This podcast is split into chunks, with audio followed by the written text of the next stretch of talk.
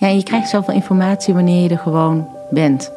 Ehm, want je, als je dan een briefing hebt van, nou, dit is wat we willen doen. Hè, we gaan van A naar B. En eh, het moet vooral heel leuk zijn, want we zijn heel blij dat we van A naar B gaan. En je komt in die organisatie en je voelt gewoon, nee, dit is niet alleen maar blij. Je zit gewoon ook een hele grote laag. Ik vind het heel spannend om van A naar B te gaan. Ik zou het heel mooi vinden wanneer je als organisatie bijvoorbeeld rituelen kan doen rond Halloween of uh, Dia de los Muertos. Dat je het eren van de geesten in je gebouwen of de, de, de voorvaders van je, van je organisatie. Want dat is wel waar je, waardoor je bent waar je bent. We choose to go to the moon in this decade and do the other things. Now is the time to act.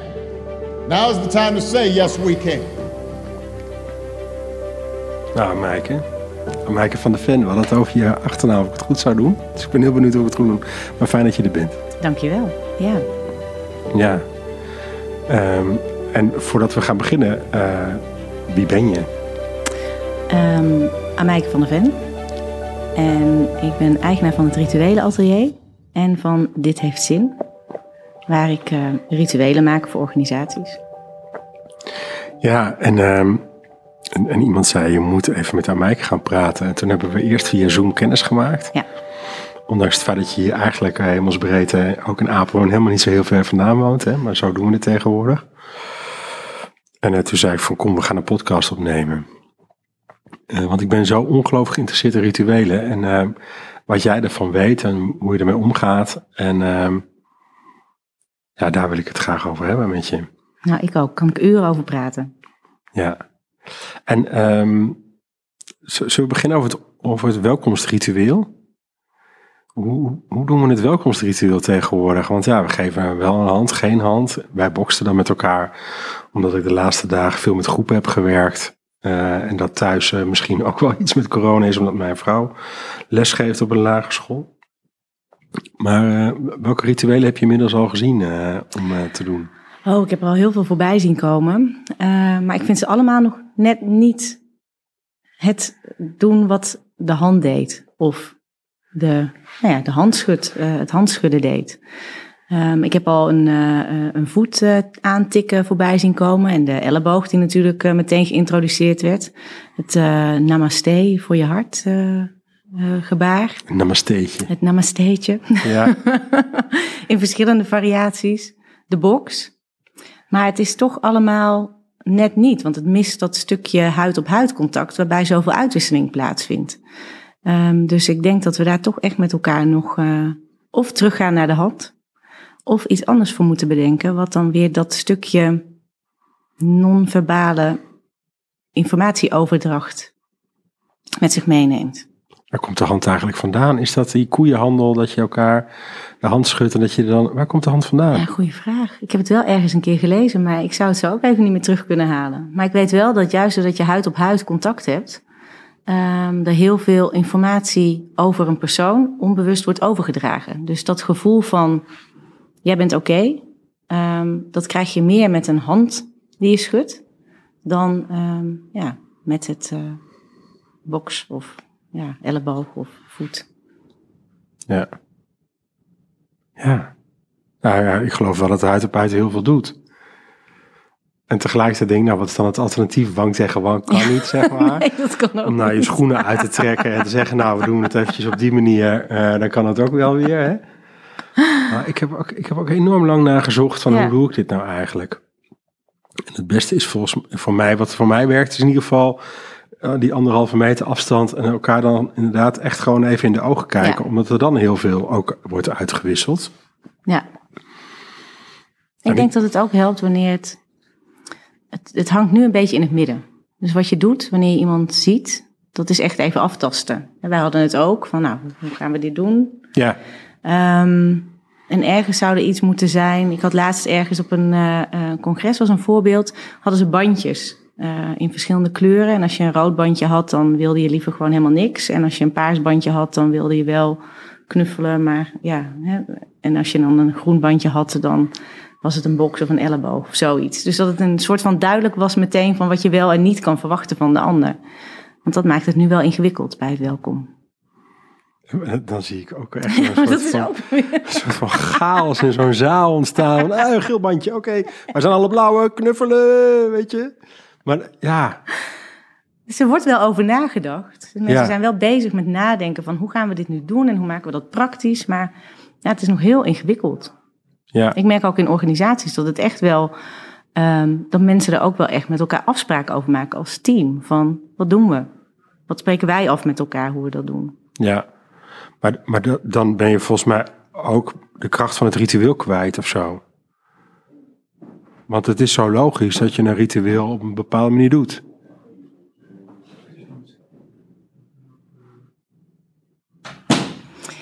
Ja, het is logisch wanneer je een ritueel op een bepaalde manier doet. Het is ook mooi als je samen met elkaar een nieuw ritueel daarvoor kan bedenken.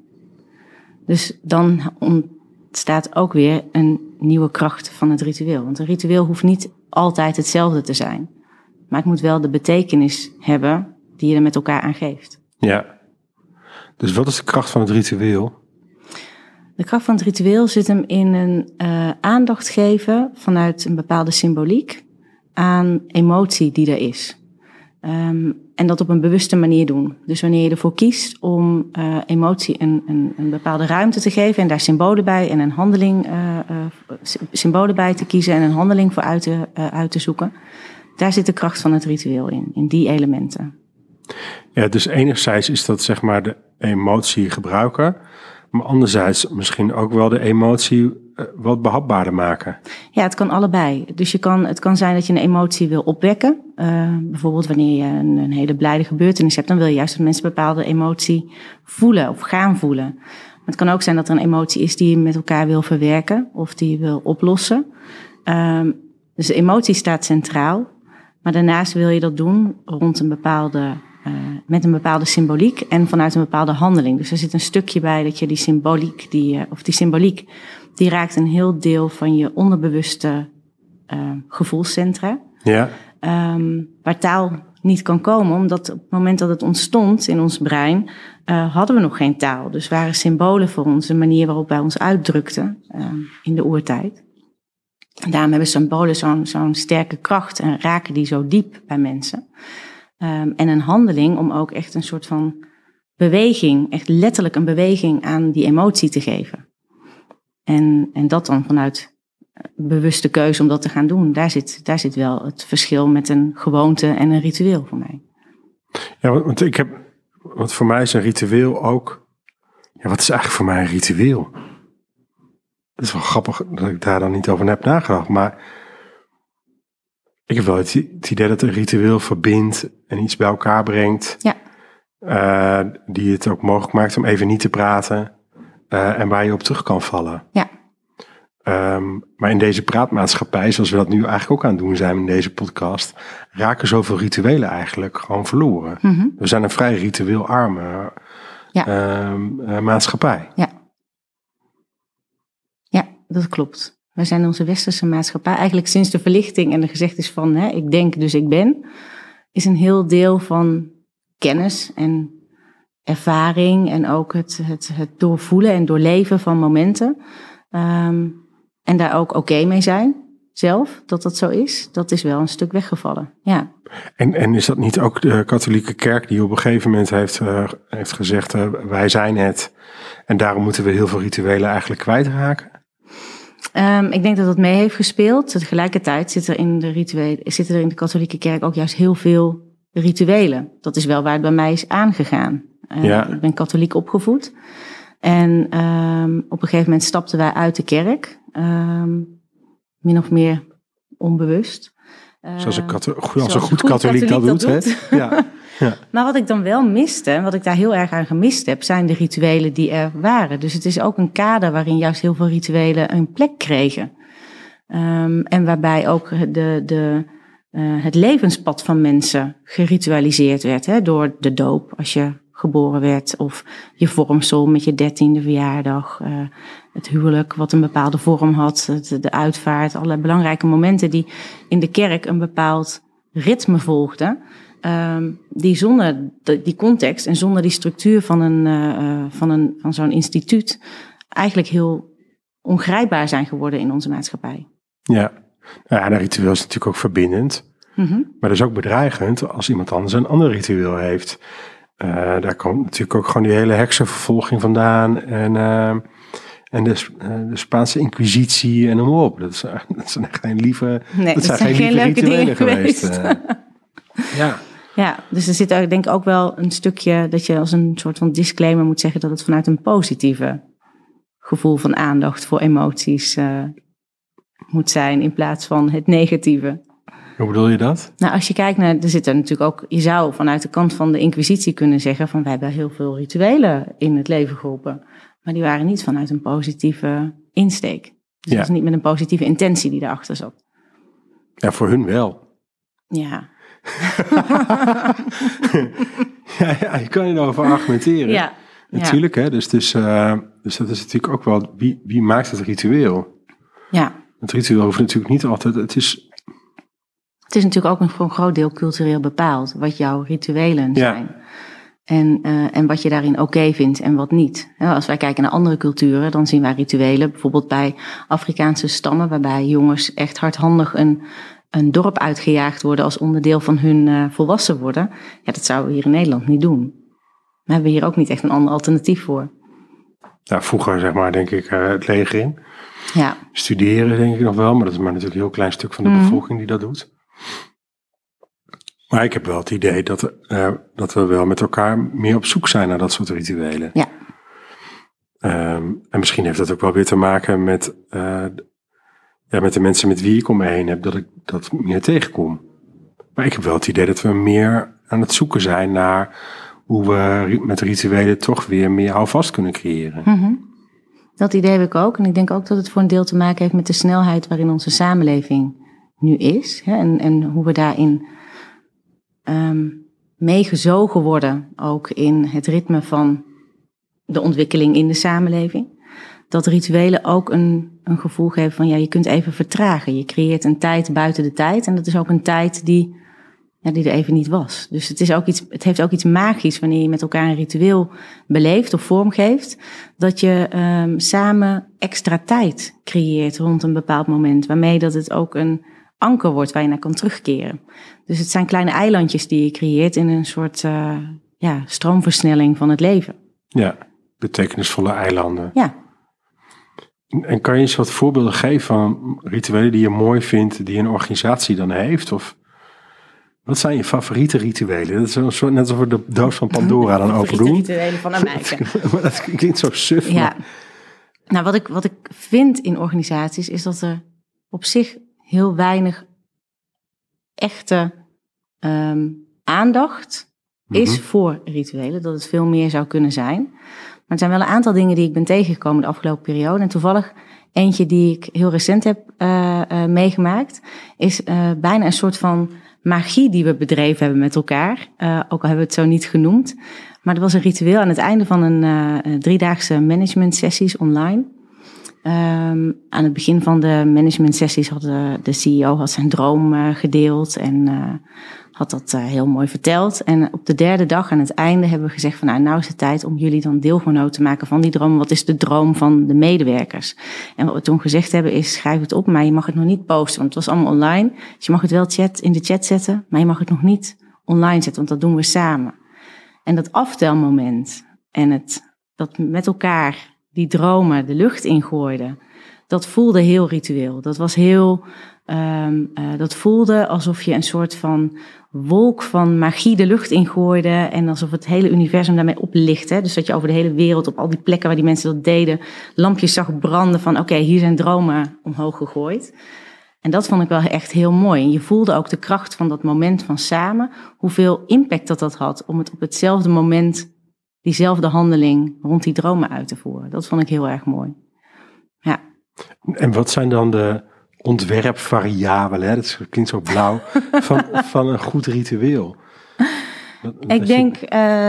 uh, um, dat, die, uh, uh, dat er vier elementen in moeten zitten. Je moet uitgaan van welke emotie wil je dat mensen voelen. Dus die emotie die staat daarin wel voor mij heel erg centraal. Dan welk symbool past hierbij? Welke symboliek? En dat kan organisatieafhankelijk zijn. Um, welke handeling kun je erbij bedenken? En um, welk verhaal, hè, hoe maak je het ook begrijpelijk en volgbaar voor de mensen die hier aan deel gaan nemen. Dus hoe maak je hen deelgenoot van het proces en, en de volgbaarheid van het ritueel. En um, dat maakt het ook best wel ingewikkeld, want een ritueel moet daarmee ook passen bij de cultuur van je organisatie. Dus je kunt niet zomaar iets pakken en dat op allerlei uh, organisaties plakken, juist omdat die symboliek, um, ja, je wil dat hij iets doet, dus dat moet ook symboliek zijn, die past bij die organisatie. Bij um, een, uh, een, een uh, jeugdorganisatie die, die verdween. Hè, dus die, die hebben zichzelf, op een gegeven moment was dat een fusie en die zouden veranderen in een andere organisatie. Um, daar hebben we een, een afscheidsritueel gedaan, maar dat was niet een, een echt afscheid. Het was meer een soort delen van trots. Dus het was echt een kampvuursessie. Helaas ook online, maar wel zo dat we met 200 mensen verhalen rond het kampvuur konden delen. En, um, en, en dat er muziek was. Hè. De directeur die uh, had zelf twee liedjes geschreven. En dat had ze heel mooi ver, vertolkt op de gitaar op dat moment.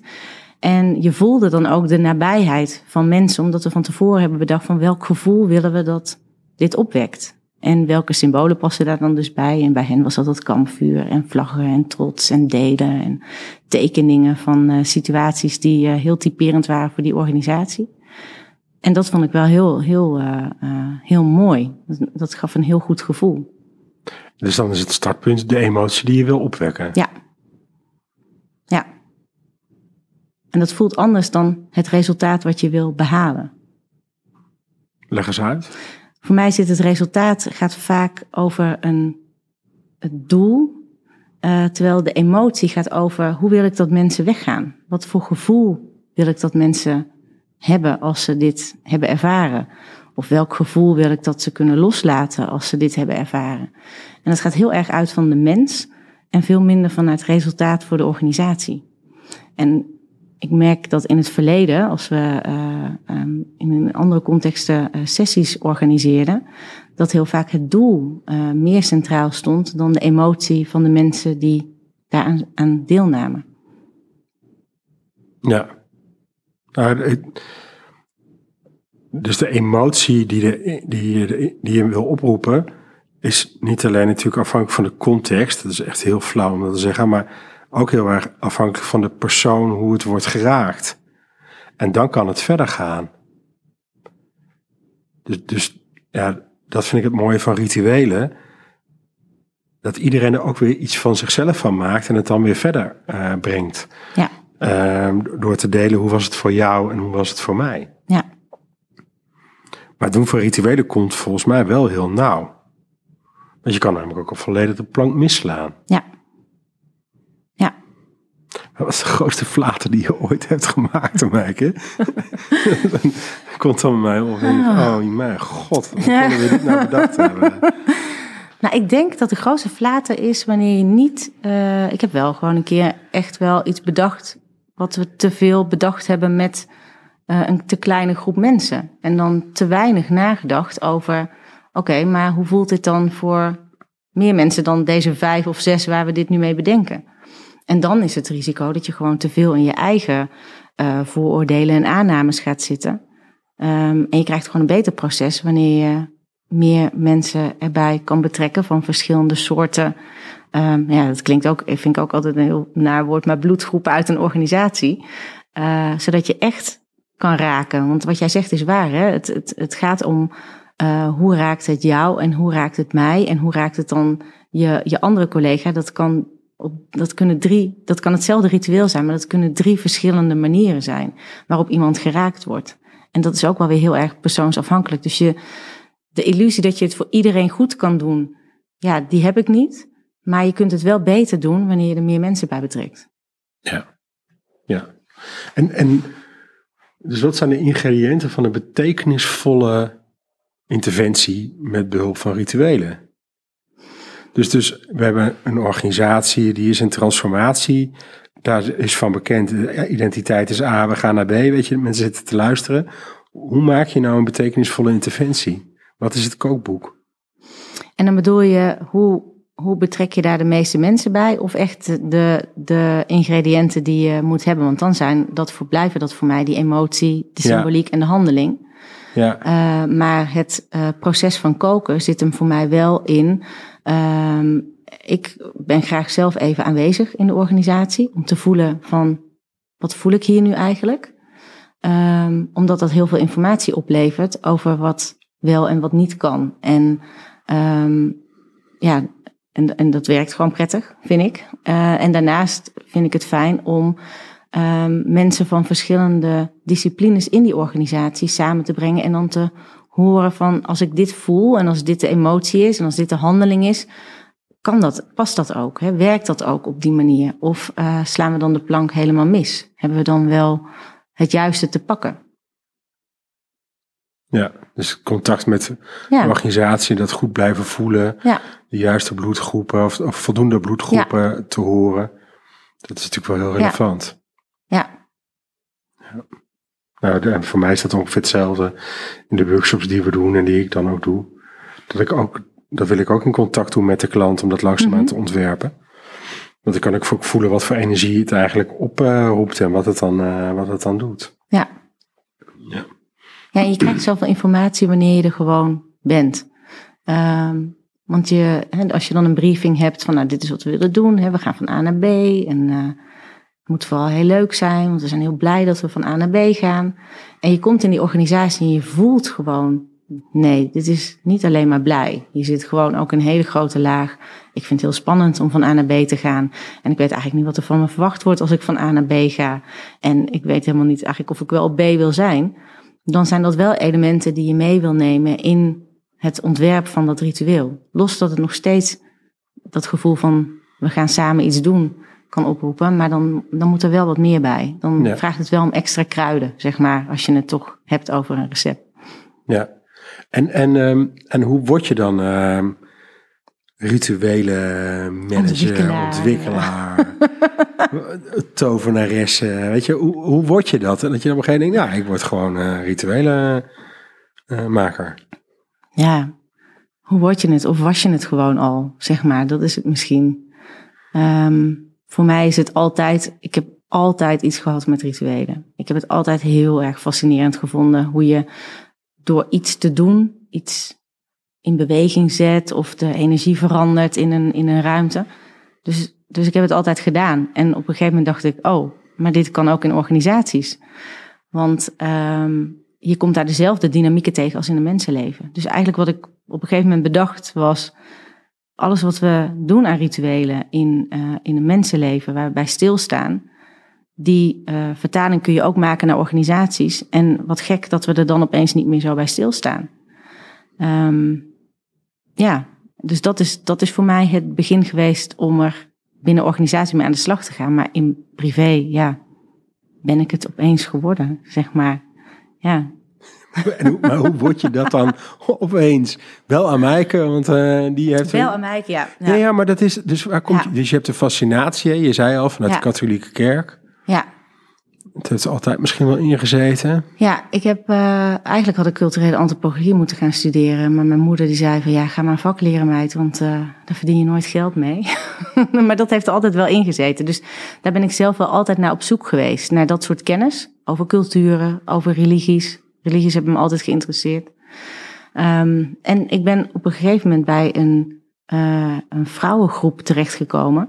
Ik wilde vroeger altijd heks worden, dus ik ben heks geworden. Ja, En toen ben ik bij een, eh, een heksengroep terechtgekomen. Eclectische heksen waren het. Dus je mocht van alles en nog wat gebruiken wat er eh, op je pad kwam. En daar heb ik wel geleerd hoe je met energie kan werken, hoe symbolen werken, hoe je eh, een ritueel opbouwt, welke lading je eraan moet geven en, en hoe je dat ook weer kan afbouwen. Want het is niet alleen het opbouwen, maar het is ook hoe zorg je dan weer dat mensen weer terugkomen in hun normale context. En eh, ja, dus dat is, dat is mijn opleiding geweest tot Ja. rituelen. ja, Ja. Daar, daar stond jouw kookpot om Daar stond mijn kookpot, daar lag mijn toverstaf en mijn Ja. Dyson. Want ja, weet je, heks gaat niet meer op een bezemsteel. Je moet, je, ook gewoon, je moet ook wel weer opruimen. Weet je wat je hebt gemaakt. Maar, Ja, ja, maar het klinkt zo dom. Maar ik, ik kan er heel erg in meekomen in eh, dat dat soort dingen Ja. belangrijk zijn. Weet je?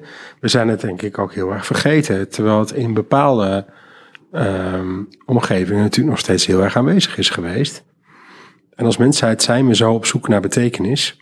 En zijn dit soort dingen ontzettend belangrijk.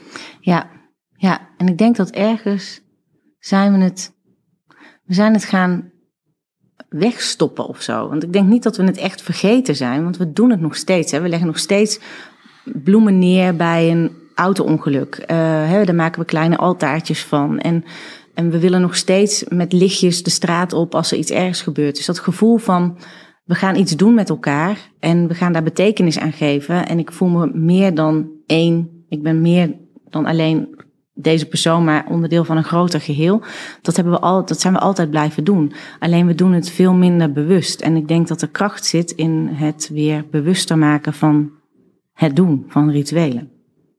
Ik denk dat ons dat enorm gaat helpen ook om, om als mens staande te blijven in de versnelling van de samenleving. Of in de versnelling van het werk. Of in de versnelling van de wereld. Ja. En, en uh, het fenomeen heksenhuwelijk ken je dan misschien ook wel? Ja, een jaar en een dag. Een jaar en een dag, ja. Het is bijna met een opluchting dat je het zegt. Oh ja. Kan je uitleggen wat het is? Uh, bij een heksenhuwelijk, dan, uh, um, dan kies je ervoor om een jaar en een dag bij elkaar te blijven. En dan word je verbonden, dus hè, um, het heet handvesting, omdat je met de handen op elkaar wordt gelegd en dan word je met linten word je aan elkaar verbonden. En kies je ervoor van, nou, wij doen dit uh, voor een jaar en een dag. En eigenlijk de gedachte daarachter is dat je na een jaar en een dag je mag kijken van, vind ik het nog steeds leuk? En wil ik nog, nog een keer een jaar en een dag? Of zeg ik nee, nu was het wel genoeg geweest en uh, gaan we het weer ontbinden. Um, en de gedachte daarachter vind ik wel heel erg mooi. Dat je elke keer opnieuw weer kiest, bewust, dat je bij de ander wil blijven. In plaats van dat je een soort van onbewuste ja, oneindigheid terechtkomt. Uh, waarin dat je de ander voor vanzelfsprekend gaat nemen. Dus uh, dat, uh, dat was de. Oh ja, dat, dat vind ik heel mooi van dat heksenhuwelijk. Ja. En, en ook, tenminste voor mij is het ook zo dat het werkt. In de momenten dat ik wat minder tevreden ben, dat ik er dan ook aan kan werken. Ja. Um, en niet dat ik dan op een gegeven moment denk, nou, het is wel klaar geweest. Ja. Um, maar, maar als ze dat heksenhuwelijk nou gewoon in, in jaarcontracten zouden doen, in organisaties, wat zou er dan gebeuren? Dan zou denk ik een, uh, ik, ja, of je het in jaarcontracten zou moeten doen. Want dan krijg je weer dat mensen zich heel onveilig voelen van ik word er zomaar uitgegooid. Uh. Maar ik denk dat het in een soort uh, beoordelingscyclus wel heel mooi zou passen. Dat je zegt een jaar en een dag. En dan mag jij gewoon weer zeggen, hè, dan, dan mag je eigenlijk misschien in die maand gewoon, net als in je proeftijd, dan, dan mag je gewoon zeggen ik ga weg. Maar je mag ook kiezen om te blijven. En waarom die ene dag? Ja, dat zat met de maan. Hè. De, de, dat, had, dat had toen te maken met uh, de, um, de cyclus van de maan. En ik ben heel eerlijk, weet ik ook niet precies waar dat die ene dag aan vast zat. Dus dat zou ik ook even moeten opzoeken. Maar dat had wel met de maanstand en het ritme te maken. En een soort van, dan ben je over het, de drempel heen van dat ene jaar. En dan mag je daarna weer voor een jaar en een dag. Maar dat zou ik moeten opzoeken. Dat weet ik niet van buiten. Nou, maar er zullen vast wel mensen googlen naar heksenhuwelijk. Ga nu. Wat is dit nou dan in godsnaam? Ja. En, en um, wat is eigenlijk het grootste ritueel wat we in organisaties kennen? Het grootste ritueel is denk ik, ik, ik denk dat een van de grootste rituelen die je in een organisatie kent, is denk ik wel het uh, als nieuwe medewerker binnenkomen. Dat is denk ik, als je als medewerker een organisatie binnenstapt, je, je grote, belangrijke eerste ritueel. Ja. En de nieuwjaarsborrel? Ja, dan heb je het over de momenten die je ritualiseert. Ja, de nieuwjaarsborrel, kerst. Uh, uh, kerstborrel, uh, de zomerbarbecue. Um, ja. Jij zegt het zijn de momenten die je ritualiseert. Ja, ik denk dat je op verschillende niveaus rituelen hebt in organisaties. Dat je op organisatieniveau kijkt naar dat soort momenten. Kerstborrel, nieuwjaarsborrel. Welke haken hebben we om als organisatie aan te geven van dit vinden wij belangrijk. En wij geven daar aandacht aan op een manier die bij ons past. Daarnaast denk ik dat je rituelen hebt op teamniveau. Dus dat je gaat kijken van oké, als wij een team zijn met elkaar, wat betekent dat dan? En welke momenten vinden wij dan belangrijk om vast te grijpen om dat te bekrachtigen? Dus ja, dat, dat team. En uh, rituelen op individueel niveau. Van ja, als iemand ziek is of uh, gelukkig getrouwd of dat dat soort momenten, dat daar ook aandacht aan gegeven wordt. En ik denk als je op die drie niveaus gaat kijken binnen je organisatie, van hoe doen wij dat? Dat je een heel mooi ritueel plan kan maken uh, om te zien van nou, hebben wij nu wel voldoende aandacht voor het ritualiseren in onze organisatie? Ja. En wat, zou, en wat levert dat dan op? Dat levert wel een groter gevoel van verbondenheid op. En ik denk ook een, een um, het, het gevoel van mensen dat ze deel uitmaken van iets groters dan alleen maar het werk wat ze aan het doen zijn. Uh, dat, dat haakt op die verbondenheid aan, maar het zit ook heel erg in de, het mensbeeld wat je hebt als organisatie. En het feit dat mensen mens mogen zijn in een organisatie. Daar zitten voor mij die rituelen ook heel erg sterk aan vast.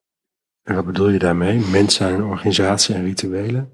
Nou, mensen zijn geen, uh, geen, geen apparaten. En um, en door rituelen een plek te geven in je organisatie, geef je ook de mens een plek in je organisatie. Omdat rituelen heel erg bij ons mens zijn horen. We hebben dat altijd gedaan.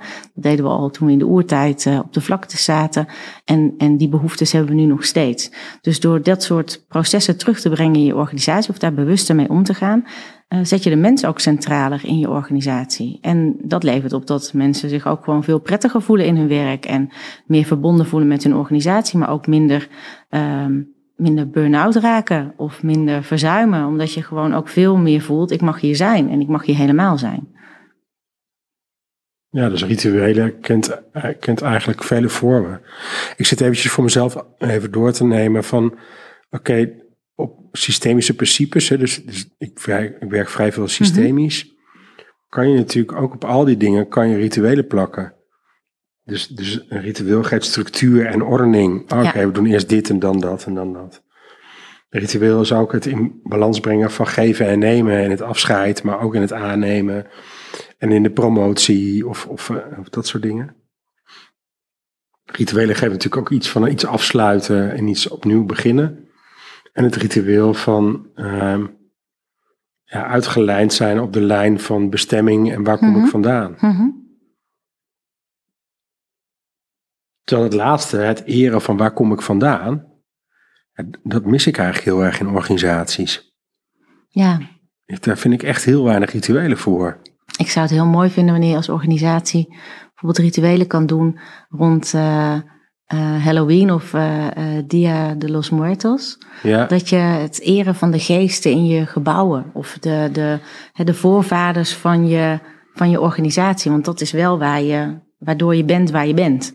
Um, en, en dat is inderdaad iets, ja, dat, dat die, die, die lijn um, en die meenemen ook. En je bewustzijn dat, dat het ontstaan van jouw organisatie en degene die dat het heeft opgericht, dat dat nog steeds doorbeweegt in de keuzes die je maakt en de energie die in je organisatie hangt. Dat dat, uh, ja, dat vind ik ook. Ik denk dat daar nog, dat dat zou heel mooi zijn als daar meer aandacht voor was.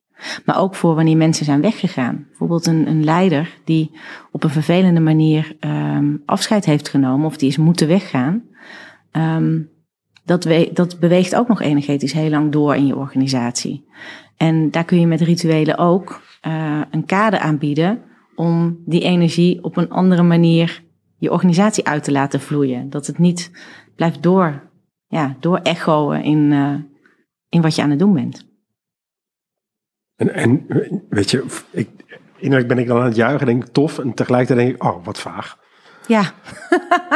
Hoe doe je dat dan, weet je? Dus, want dat... Ja, ik denk dat je daar. Ik had er laatst een heel mooi ritueel over gelezen. Uh, van een, uh, een, een, idee dat je dan een, um, het verbranden van, de, van, van de, de negatieve dingen, maar ook het, het vasthouden van de positieve dingen. Um, waarbij je dus gaat kijken van nou, als iemand dus heel naar is weggegaan, dan vraagt dat wat. Hè? Dus dan kun je, uh, dan kun je, de, dan kun je de ellende die iemand heeft opgeleverd, die kun je opschrijven en die zou je kunnen verbranden. Maar je zou ook kunnen kijken van welke rol heeft hij gehad die heel positief is geweest. En het eren van uh, de plek die hij wel gehad heeft in het systeem. Als je het dan naar het systeem gaat kijken, dan heeft dat ook iets goeds gedaan. En bepaalde rollen en bepaalde taken, die moeten mee de organisatie in worden genomen zonder dat je uh, ook de ellende en, en de boosheid of de frustratie uh, daarin meeneemt. Ja, mensen raken. Dus, dus een deel van het systeem, zeker mensen, raken loyaal aan diegene waar ja. ja vervelend afscheid van uh, is genomen. En, en dat moet je dan een plek geven en daar Ja. moet je dan mee aan de gang. Ja, We hebben, ik heb ooit wel eens een keer een prijs in het leven geroepen voor iemand die toch heel vervelend eh, afscheid heeft moeten nemen. Om hem daarmee gewoon te eren. Mhm. En, en de betreffende directeur, en dat was een soort van strijd tussen twee directeuren. En de ene heeft aan het kortste einde getrokken. En dat was voor degene die aan het langste eind trok wel eh, ja, best wel pittig om ook een prijs eh, dan neer te zetten. Ik weet niet achteraf of we dat nou helemaal goed hebben gedaan, maar op die manier kreeg diegene wel stem. ja. Ik denk dat het wel belangrijk is om iemand dan te, nou ja, dat eren. Dat vind ik wel heel mooi wat je zegt. Ja, Nou, wat we merkten was dat dus een bepaalde kwaliteit uit de organisatie was weggelekt. Met ook het verdwijnen van die betreffende eh, persoon. Dus hebben we aan die kwaliteit, en degene die die kwaliteit het meest liet zien, een prijs verbonden die dan ook vervolgens de naam had van die persoon. Om het op die manier wel verbonden te krijgen. Mhm.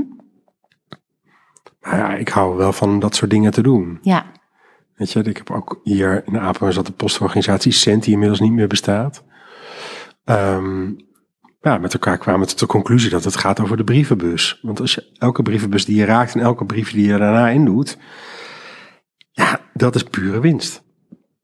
Dus hoe maak je dat dan duidelijk? Ja, dan moet je de brievenbus in de zaal hebben. Dus ik heb gewoon, ik heb echt wekenlang met gewoon een hele grote deur bovenop de auto rondgereden. met zo'n brievenbus. Met, met vanwege die brievenbus erin. En die deur weer naar boven slepen. eh, ergens in Deventer in zo'n hotel. Waar ze, de vergaderzaal op de eerste verdieping was. Nou, die hele deur weer naar boven. Nou, we hebben ontzettend lol gehad. Maar wat een mooi symbool ook. Dat vertelt zoveel, die brief en die brievenbus en die deur. Ja, Ja, en, en, en, en daarna zoeken naar dat soort symboliek. Ja. dat vind ik ook wel heel gaaf om te doen. ja, En tegelijkertijd is het ook altijd weer. Ik moet dan zelf ook altijd wel weer even voorbij mezelf. Dat ik denk, oh ja, het is oké eh, dat we dit soort dingen doen. Of het gemak waarmee jij vertelt, van, ja, maar ik ben ook ooit begonnen als heks. En daar komt het vandaan. Eh, en toch moet ik steeds dan wel weer even ergens overheen en zeggen, oh ja, zullen we het op deze manier doen? ja. Nou ja, het gemak waarmee ik het vertel. Ja, ik vertel het nu met gemak. Maar het is ook wel, ik, ik voel ook wel de lading die daarop ligt. Eh, die daar door de samenleving opgelegd is. Van nou, hè, oh, oh, dus je bent er zo eentje. Terwijl dat ik denk van ja, maar het gaat om hele essentiële wijsheid die we altijd al gehad hebben. Ehm, maar die in het Westen wel een beetje een nare branding heeft gegeven. Als ik had gezegd ik ben shamaan, dan had het weer een hele andere lading gehad. Ja, nou ja, weet je, en zo proberen we natuurlijk Ja. allemaal iedereen wel wat te zijn. En andere mensen zullen shamaan, shamaan, joh, weet je, wat ben jij nou dan weer? Ehm, ben je trouwens naar dat toneelstuk geweest van die heksen in, ehm, Nee, ik heb er wel over gelezen. Ja. Dat, eh, ja, ja, ja, moet je echt naartoe. ja oké.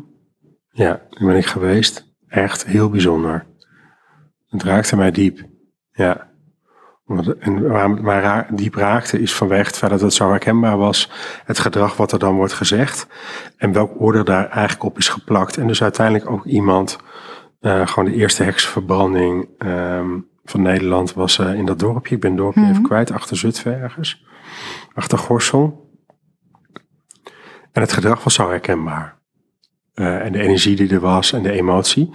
En dat ik denk, ah ja, dat oordeel ken ik ook. Af en toe dat mensen naar mij kijken van, hey, klopt je wel of zo, zoiets of zo. En dan komt er zo'n oordeel. Mhm. Maar misschien zijn we er zelf banger voor dan dat het werkelijk zo is. Ja, want wat gebeurde er toen je die deur meenam? Wat gebeurde er in de groep?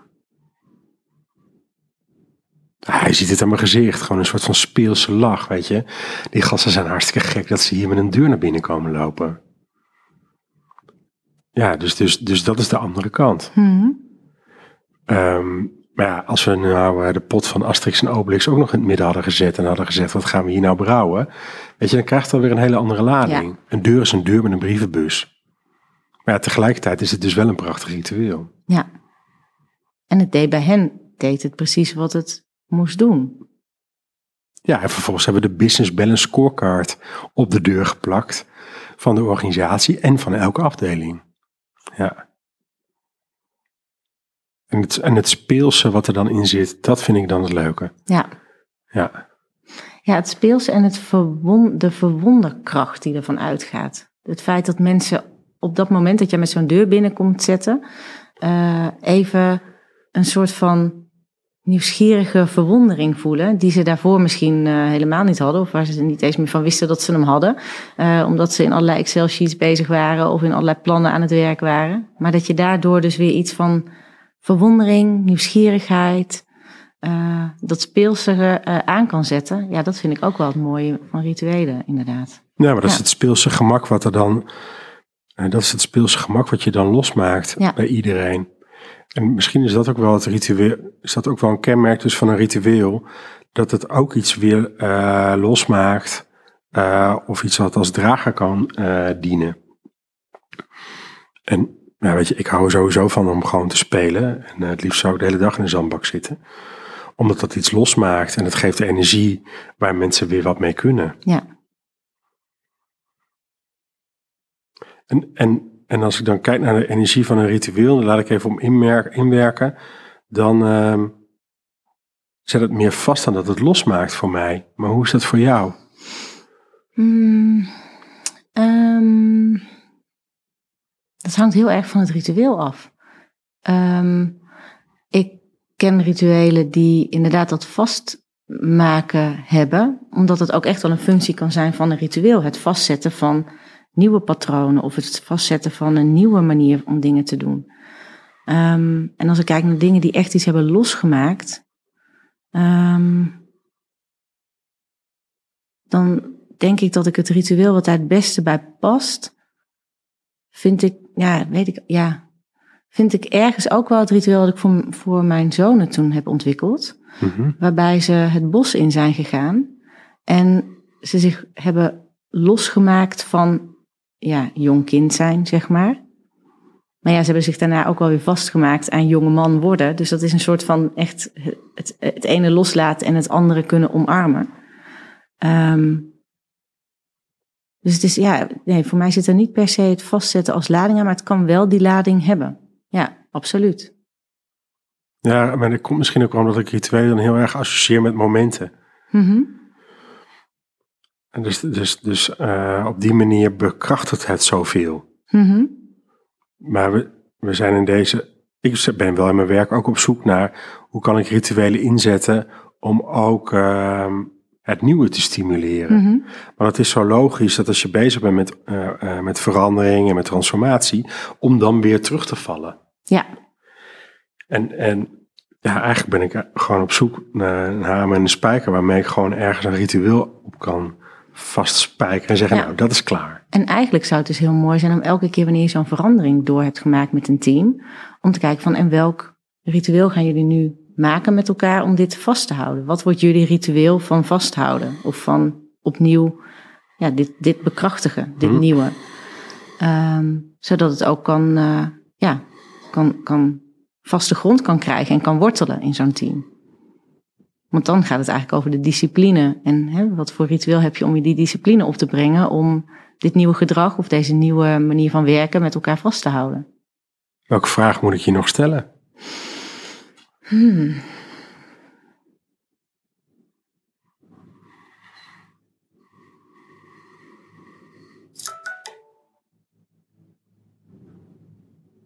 Ik zou het even niet weten.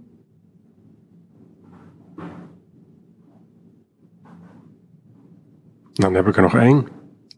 Met welke vraag uh, loop je zo meteen naar buiten? De vraag waar ik mee naar buiten loop is: hoe kan ik, um, hoe kan ik mensen de magie van rituelen nog beter laten voelen? Dus echt het, het doorleven. Dat stukje waar we er net eigenlijk op geëindigd zijn: van hoe, hoe neem je ze nog meer mee hierin? Ja. Ja, prachtig. Ja, misschien een keertje systemisch testen van je rituelen. Ja. Dat zou je kunnen doen wel mooi. Dat is maar zo even een kort antwoord. Korte uitsmijter. Ik ga je heel erg bedanken voor dit gesprek. Ja, jij ook. Ja, dankjewel. Zet u aan het denken.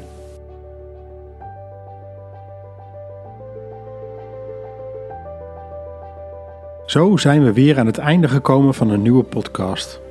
Mocht je een vraag hebben naar aanleiding van de podcast of over organisatietransformatie in zijn algemeen, dan kan je mij een mail sturen op markapenstaartovertransformaties.nl. Daarnaast kan je je op de website overtransformaties.nl inschrijven voor de podcast alert. Als er dan een nieuwe podcast is uitgebracht, krijg je hiervan een bericht. Nogmaals dank voor het luisteren en wellicht tot een volgende podcast.